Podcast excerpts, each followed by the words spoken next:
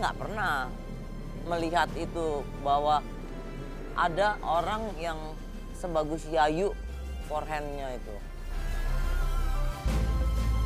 Tenis is a mental game. Kalau kita mentalnya nggak kuat, nggak akan bisa berada sejajar di atas.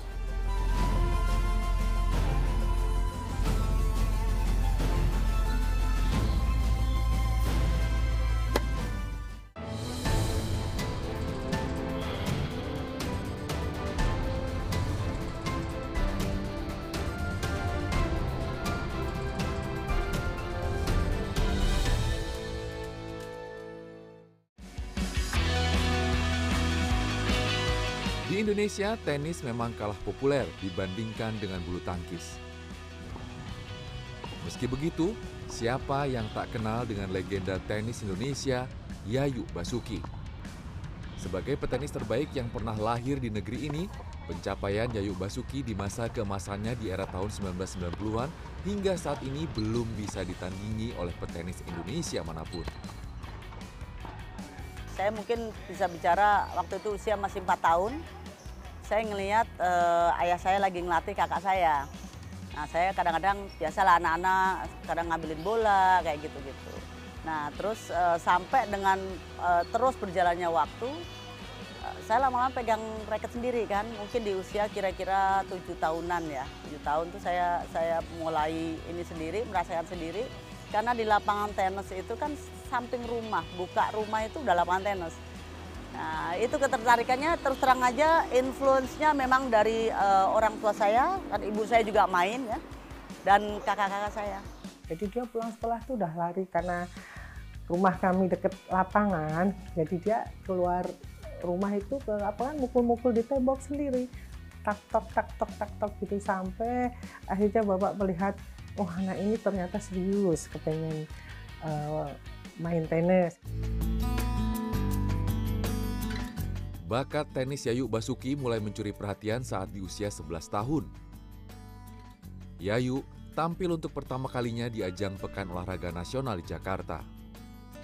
Setahun berikutnya, di salah satu turnamen di Semarang, penampilan Yayu di babak pertama saat melawan salah satu petenis top nasional, Susana Anggar Kusuma, kembali mengundang decak kagum.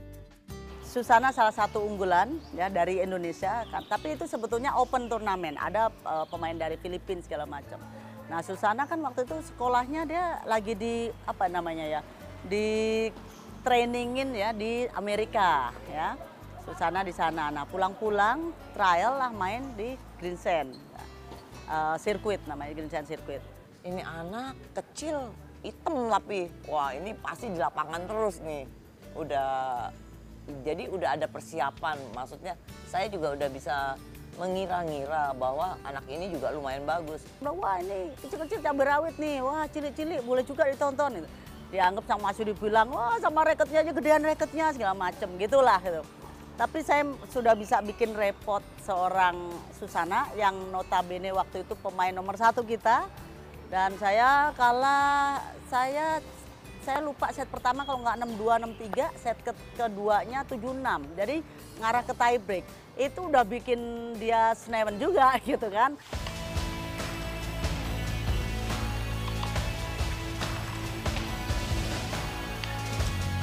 Saya nggak pernah melihat itu bahwa ada orang yang sebagus Yayu forehandnya itu. Apalagi anak kecil gitu ya.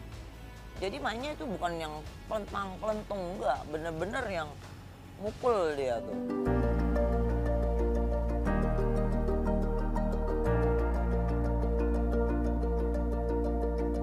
Pemberitaan di media massa soal penampilan memikat Yayu di Semarang akhirnya membuat Yayu mulai dikenal. Yang namanya Yay- Yayu Basuki lawan Susana ini seperti permainan alot banget gitu. Anak kecil lawan kayak orang dewasa yang mainnya alot gitu kan.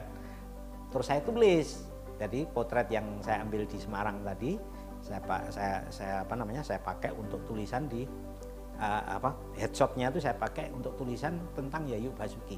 Petenis cilik dari Yogya- Yogyakarta judulnya seperti itu. Dan di situ juga saya sebut bahwa ini punya bakat dan kayaknya bakal menjadi petenis Indonesia yang bagus di masa depan. Salah satu momen penting dalam perjalanan karir Yayu adalah saat di tahun 1990, Yayu memutuskan untuk menjadi petenis profesional. Kerja keras Yayu akhirnya membawanya menjadi salah satu petenis yang disegani tak hanya di Indonesia, namun juga di dunia. Enam gelar juara WTA di nomor tunggal dan sembilan gelar juara WTA di nomor ganda menjadi salah satu pembuktian Yayu sebagai salah satu petenis terbaik dunia yang saya pikirkan adalah saya nggak mau berhenti tenis di sini saja. Maksud saya, saya nggak mau hanya sebagai juara uh, SEA Games, Asian Games ya, multi event yang buat buat Indonesia ataupun Fed Cup. Tapi saya ingin benar-benar saya ini sampai di mana kalau kalau kalau terjun ke dunia profesional. Orang melihat saya sekarang atau kemarin udah saya reaching quarter final, atau menjadi pemain top 20 dunia, masuk ke Grand Slam, keluar masuk Grand Slam, masuk di championship ya, di double segala. Tapi mereka nggak pernah tahu prosesnya. Prosesnya terus terang aja luar biasa. Kalau kita, eh, yang saya bilang, tenis is a mental game. Kalau kita mentalnya nggak kuat, nggak akan bisa berada sejajar di atas.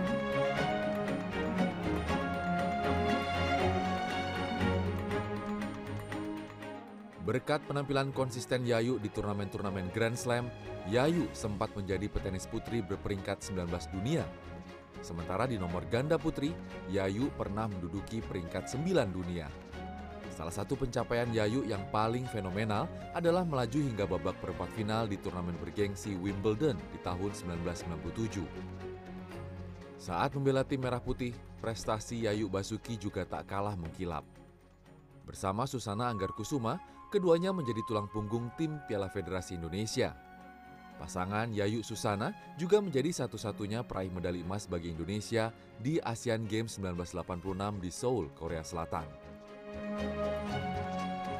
Tahun 86 itu sangat berkesan karena satu-satunya emas buat Indonesia ya itu ya tapi masih kelas Asia tapi kita yang salah di Federation Cup kita pernah bawa Indonesia sampai dengan 8 besar dunia di mana notabene sekarang posisi Indonesia kualifikasi aja zona 2 Asia Oceania.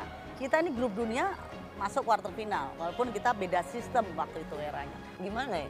Chemistry-nya kita masuk memang kalau untuk bermain, bermain di dalam lapangan itu. Jadi saya tahu Yayu, Yayu juga udah tahu saya gitu loh. Jadi walaupun dalam keadaan apa pun kayaknya kita memang ya gimana? Itu udah sesuatu yang jodoh kalau orang kawin itu jodoh namanya itu. Jadi bener-bener kuat gitu loh. Total, Yayu Basuki sudah mempersembahkan empat medali emas Asian Games bagi Indonesia. Selain itu, Yayu juga pernah tampil di empat Olimpiade mulai dari tahun 1988, 1992, 1996, dan 2000.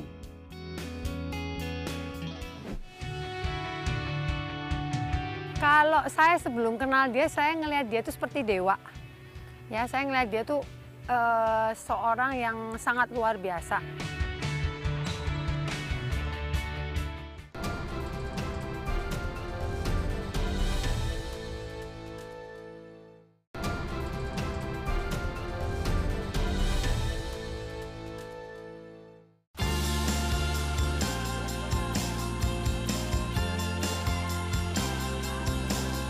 Meski sudah gantung raket, sosok Yayu Basuki tak pernah bisa benar-benar lepas dari dunia tenis. Tapi cara dia dia lihat bolanya udah bagus.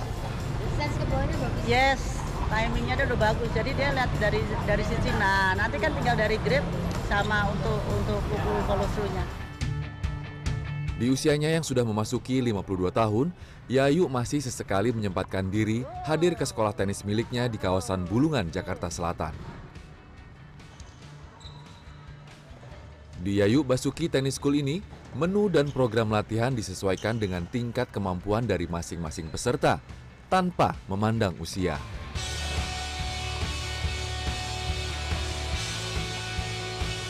Aku sih mau improve skill aku, sama aku mau ikut turnamen, sama aku mau kayak lihat coach-coachnya sama kayak orang-orangnya di dalam, terus aku mau main lah. Tapi Orayan kenal nggak siapa Yayu Basuki? Iya, iya. Aku siapa, kenal. Siapa Yayu Basuki? Yayu Basuki itu kayak uh, tenis player dulu yang ya sebelum aku lahir ya. yang kayaknya udah ranknya sekitar top 20 terus dia kayak menang banyak title lah I came here because uh, my school they have like a lot of like tennis competitions, and I do um, tennis private lessons actually. But then like it doesn't help like my collaborative skills like double and stuff like that. So I wanted to learn how to be more like open, open-minded, and um, adjust my tennis um, abilities better according to like situation. biar lebih jago Emang yang diajarin di sini apa aja yang diajarin? backhand, forehand, smash, sama cut. Tapi kamu tahu nggak siapa Yayu Basuki? Ya, Siapa? pemain tenis Tahu dari mana Yayu Basuki? mama aku. Awalnya, sekolah tenis ini bernama Sri Utaminingsih Tennis School. Sri Utaminingsih adalah pemain tenis nasional Indonesia di era tahun 1980-an yang juga adalah kakak ipar dari Yayu Basuki. Namun, sejak tahun 1999, sekolah tenis ini berubah nama menjadi Yayu Basuki Tennis School. Begitu saya selesai terjun dari profesional atau saya retire dari profesional, masuk nama predikat ke Yayu Basuki Tennis School. Satu apa? Supaya ada minat daripada anak-anak melihat, oh kan mereka mohon maaf, mungkin eranya yang lalu Sri Utaminingsih Tennis School belum tentu anak-anak ini ingat ya, karena masih terlalu lama. Nah, yang yang yang lebih ke saya juga kan Yayu Basuki Tennis School paling tidak kan orang tuanya pun mengingat siapa seorang Yayu Basuki. Jadi supaya familiar ya, memoti ya? lebih familiar dan bisa memotivasi. gitu. Jadi kalau anaknya diajak ke situ tuh, oh ya nggak salah gitu loh. Jadi karena memang ya dia memang expert di tenis kan gitu. Tapi bisa bisa dilihat tidak hanya dari sisi anak-anak. Bayangin yang yang udah tua-tua tapi pengen exercise pun juga mau ikut. Kita nggak akan nolak. Dan Karena intinya saya pun juga slogannya tennis for fun, tennis for everyone. Seru tuh ya, tenis for fun, tenis Ya, segitu dong. 120 orang lebih anak didik di Yayu Basuki Tennis School ini ditangani oleh empat pelatih yang semuanya adalah mantan pemain tim nasional Indonesia. Termasuk Suharyadi, suami dari Yayu Basuki. target saya, cita-cita saya itu kepengen ada generasi yang bisa meneruskan. Tapi dengan teknik yang benar, dengan dengan pondasi yang benar. Nah, setelah pondasi benar, silahkan nanti berkembang masing-masing gitu. Itu eh, pemikiran kita. Karena kesibukannya, Yayu Basuki memang tidak lagi turun langsung sebagai pelatih. Jadi sekarang eh, suami saya dan juga kakak-kakak saya, mereka yang semua in charge di dalam full time di lapangan. Sesekali saya hadir. Untuk apa kehadiran saya? Memotivasi mereka supaya oh iya, terus oh ini ada ada Yayu Basukinya. Mereka lebih lagi ter apa termotivasi, terencourage pengen seperti saya umpamanya. Saat masih aktif sebagai pemain, Yayu Basuki memang selalu menjadi idola dan panutan bagi junior-juniornya. Pencapaian dan prestasinya di dunia tenis internasional menjadi inspirasi dan motivasi bagi petenis putri di bawahnya seperti Wina Prakusya. Wina banyak belajar langsung dari Yayu karena sempat satu tim dan berpasangan dengan Yayu di sejumlah event yang membawa nama Indonesia. Kalau saya sebelum kenal dia, saya ngelihat dia tuh seperti dewa. Ya, saya ngelihat dia tuh eh, seorang yang sangat luar biasa. Jadi saya mengidolakan dia, saya cuma bisa ngelihat dia di TV. Dan pada saat saya akhirnya bisa main di PON tahun 96 pada saat itu, saya tuh di final lawan dia. Dan di situ saya tegangnya setengah mati, saya takutnya setengah mati, saya cuma mikir, hah eh gue lawan Yayu Basuki nih, gue bakal dapat berapa gitu loh. Setelah saya mengenal beliau, beliau itu nggak cuman eh, sebagai, menurut saya nggak cuman sebagai idola ya, tapi dia juga mengayomi saya. Karena sejak pada saat itu, dia itu membimbing saya sebagai juniornya. Jadi saya sangat terima kasih eh, ke Mbak Yayu. Kalau bukan karena beliau, mungkin saya juga nggak bisa jadi seperti sekarang ini. Saya mungkin juga nggak bisa eh, menjadi pemain nomor satu Indonesia pada saat itu. Pengaruh Yayu Basuki juga dirasakan oleh Angelique Wijaya, petenis putri Indonesia yang di era tahun 2000-an juga sempat merasakan aura kompetisi di turnamen sekelas Grand Slam. yang waktu aku alamin dulu di Wimbledon segala macam tuh bener-bener Indonesia tuh kayak nggak dianggap sama sekali kan di dunia gitu. Asia aja dulu pas saat saya itu udah nggak nggak terlalu nggak terlalu dilihat lah gitu oleh oleh mereka. Apalagi Indonesia gitu kan.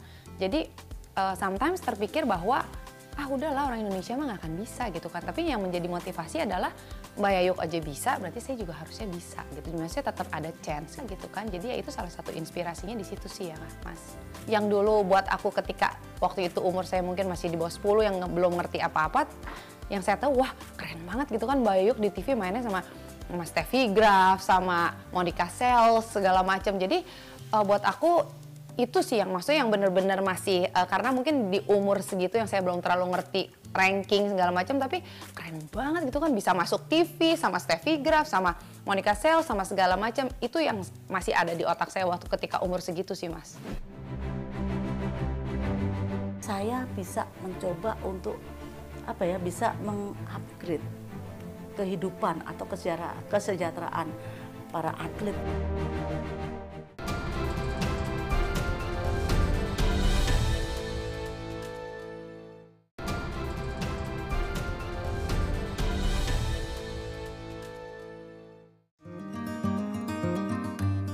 Di luar lapangan tenis, Yayu Basuki juga merupakan sosok wanita yang aktif. Di antara segudang kesibukannya, mengurus tanaman di rumahnya di kawasan Pondok Cabe, Tangerang Selatan menjadi salah satu kegiatan favorit Yayu di waktu senggang. Mbak Yayu ini mulai kapan nih Mbak hobi ngurusin tanaman kayak gini nih? Uh, gini, sebetulnya kalau hobi seneng tanaman sih udah dari dulu ya, dari zaman ibu waktu dari kecil. Tapi kan kita nggak ada waktu tanding terus ke mana-mana kan. Nah baru mulai bisa ada waktu pasca pandemi mulai awal mula covid. Hmm. nah inilah hasilnya. Jadi me time Mbak Yayu ini ngurusin tanaman ya Mbak kalau lagi nggak ada kegiatan di luar ya? udah ngapain sunung di luar? Udah mendingan ngobrol sama tanamanku ngurusin. Gitu mas. Lah kalau pagi gini Mas Heri dari subuh udah keluar? Udah setiap pagi tuh Mas Heri biasanya jam ya ya jam jam enaman lah jam enaman tuh udah pergi. Latih tenis ya mbak? ya itu deh karena uh, anak-anak kan latihannya pagi sampai siang sorenya fisik. Hmm. gitu. Kalau sore Mas Heri di sekolah tenis. Pulang tuh baru malam. Semalam tuh baru pulang jam berapa tuh dia bikin laporan kan? Berarti ketemunya sama Mas Heri weekend doang atau gimana? Ya bisa ininya ya ketemu malam, hmm. ketemu malam atau ya kalau aku di Jogja ya ya memang juga susah juga. Ya paling weekend dulu waktu aku masih di Senayan eh, lebih sulit lagi hampir nggak ketemu kan waktu kita masih waktu saya masih di DPR. Yari Nara Sebrio Suharyadi adalah anak sematawayang hasil pernikahan Yayu dengan Heri, panggilan akrab dari Suharyadi. Sebagai putra dari dua petenis top Indonesia, Yari sempat mencicipi kompetisi tenis di level junior nasional. Namun, pria berusia 23 tahun ini merasa tenis bukanlah jalan hidupnya. Ia memilih fokus menyelesaikan studinya di Universitas Indonesia.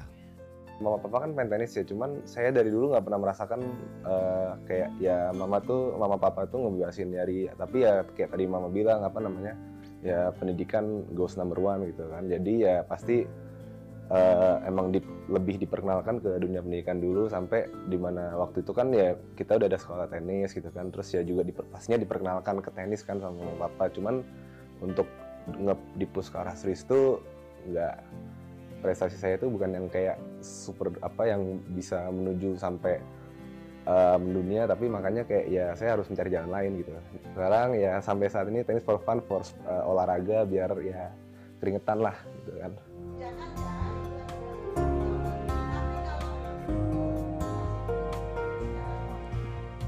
Menikah dengan Suharyadi di tahun 1994, rumah tangga Yayu Basuki berjalan harmonis dan jauh dari gosip miring. Setelah resmi menjadi suami istri, Suharyadi juga berperan menjadi pelatih yang mendampingi Yayu menjalani karir tenis profesionalnya. Di era tahun 90-an, Suharyadi merupakan salah satu petenis putra terbaik yang dimiliki Indonesia. Di Asian Games Beijing tahun 1990, pasangan Yayu Basuki dan Suharyadi sukses menyumbangkan medali emas bagi kontingen Merah Putih. Meski begitu, keputusan Yayu menunjuk suaminya sendiri sebagai pelatih sempat menimbulkan keraguan dari banyak orang. Banyak cemoan sih emang, banyak cemoan teman-teman kita di Indonesia itu mana bisa ngelatih dalam situasi suami istri gitu. Cemoan itu kita buktikan dengan dengan prestasi dan peringkat gitu. Akhirnya selama terjun bersama-sama itu saya sebagai pelatih, Yayu bisa menembus di top 19 dunia, terus 8, eh, 18, 19 dunia di tunggal dan ganda di 8 peringkat dunia. Kalau saya lihat dia itu penuh kedisiplinan hidupnya. Disiplin, komitmen, jadi setiap dia melakukan sesuatu itu harus ada komitmen dan disiplin dan ada target dan hasilnya. Kita saling mengisi. Mas Heri banyak mengerti saya. Saya sebagai seorang atlet, sebagai seorang pemain tenis seperti apa dunianya kan gitu. Dan juga kita ngobrol sharing itu nyaman. Eh, Yang kuncinya kan itu. Ya udah urusan di lapangan, urusan di lapangan. Saya sebagai pelatih saya, urusan di luar lapangan itu di luar lapangan. Karena jalan hidup kita udah kita memutuskan untuk eh, profesional kan. Saya memutuskan untuk terjun di profesional. Jadi nggak bisa oh ada masalah sedikit ah mungkin kayak perempuan pada pada umumnya melo pengen diperhatiin begini begini nggak ada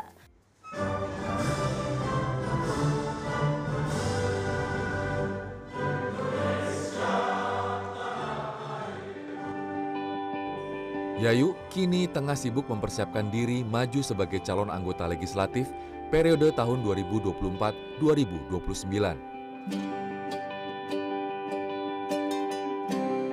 Kalau dulu Yayu sempat menjadi anggota dewan pada periode 2014-2019 bersama Partai Amarat Nasional, kali ini Yayu memilih bergabung bersama PDI Perjuangan. Panggilan hati untuk memperbaiki kesejahteraan para pelaku olahraga dari dalam sistem membuatnya mantap terjun ke dunia politik. Menurutnya, saat ia menjadi anggota dewan, perjuangannya sudah mulai membuahkan hasil. Setidaknya, kesejahteraan atlet yang berprestasi saat ini sudah jauh lebih baik dibanding dulu. sekarang satu emas Asian Games berapa M Nah, Olimpik apalagi jadi saya rasa yang penting saya bisa mencoba untuk apa ya bisa mengupgrade kehidupan atau kesejahteraan, para atlet supaya ada eh, kita bisa memotivasi orang yang ingin jadi atlet bisa mengencourage ya oh iya ya ternyata jadi atlet itu bisa sejahtera dia itu nasionalismenya tinggi sekali ya gitu. Eh, apa namanya sampai detik ini bisa kelihatan lah. Sekarang aja masih sibuk eh, dalam arti bahwa apa yang dia kerjakan ini masih untuk Indonesia gitu kan.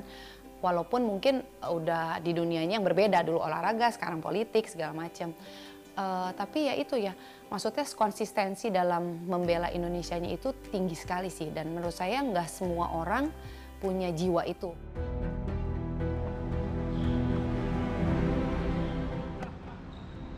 Berbeda dengan mantan-mantan atlet pada umumnya, meski sudah pensiun dari tenis, Yayu masih terus memberikan kontribusinya untuk bangsa ini. Tennis is my life. Tennis uh, give me everything. Tennis taught me everything. Bisa saya menjadi seseorang yang tadinya mungkin orang taunya hanya uh, seorang atlet ya atau pemain tenis, tapi dari tenis itu juga saya wawasan knowledge-nya, jadi intelektualnya semuanya itu semuanya saya dapat dari tenis.